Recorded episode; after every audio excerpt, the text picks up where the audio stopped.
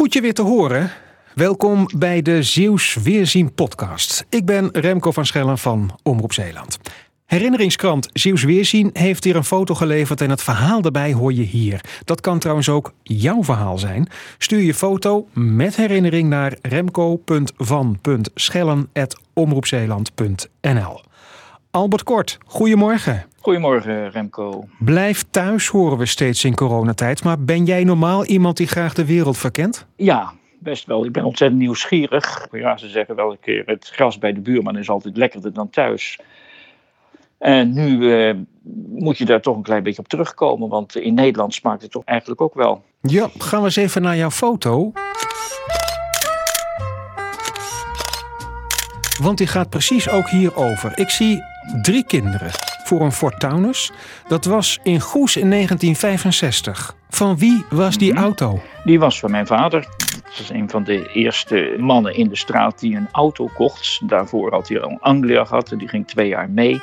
En toen kocht hij een Fortunus, een degelijke auto, afkomstig uit Duitsland met stuurversnelling en al. En die was zowat de enige auto die toen nog bij ons in de Pickardstraat in Goes eh, stond geparkeerd. Dus er kwamen ontzettend veel buren naar kijken. Wat een eh, ja, mooie auto dat toch was. Glimmen, noem maar op. En waarom wilde jouw vader een auto? Nou ja, hij zei dat hij er een nodig had om zijn klanten te bereiken. Dat waren voornamelijk boeren voor wie hij de boekhouding deed op het Zeeuwse platteland. Voornamelijk katholieke boeren in de zak van Zuid-Beveland. Had hij een brommer. Die brommer die ging natuurlijk lang niet zo snel. Bovendien dan was hij te veel afhankelijk van het weer.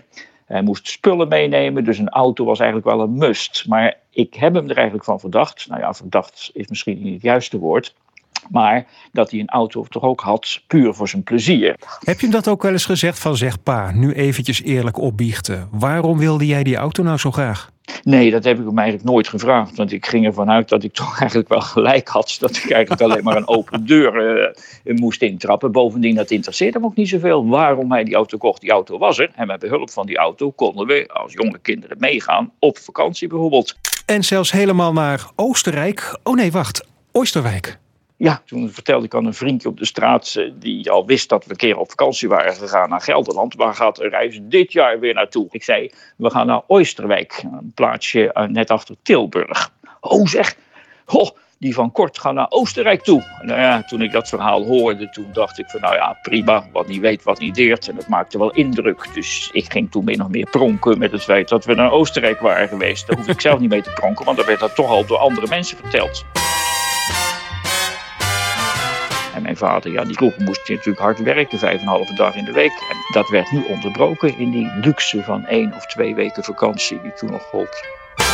Herinneringen aan de auto van toen als enige in de straat. Wat een rijk bezit was dat zeg. Ja, De foto die hierbij hoort kunnen we vinden op zeeuwsweerzien.nl. Albert Kort, goed je weer te spreken. Bedankt hè.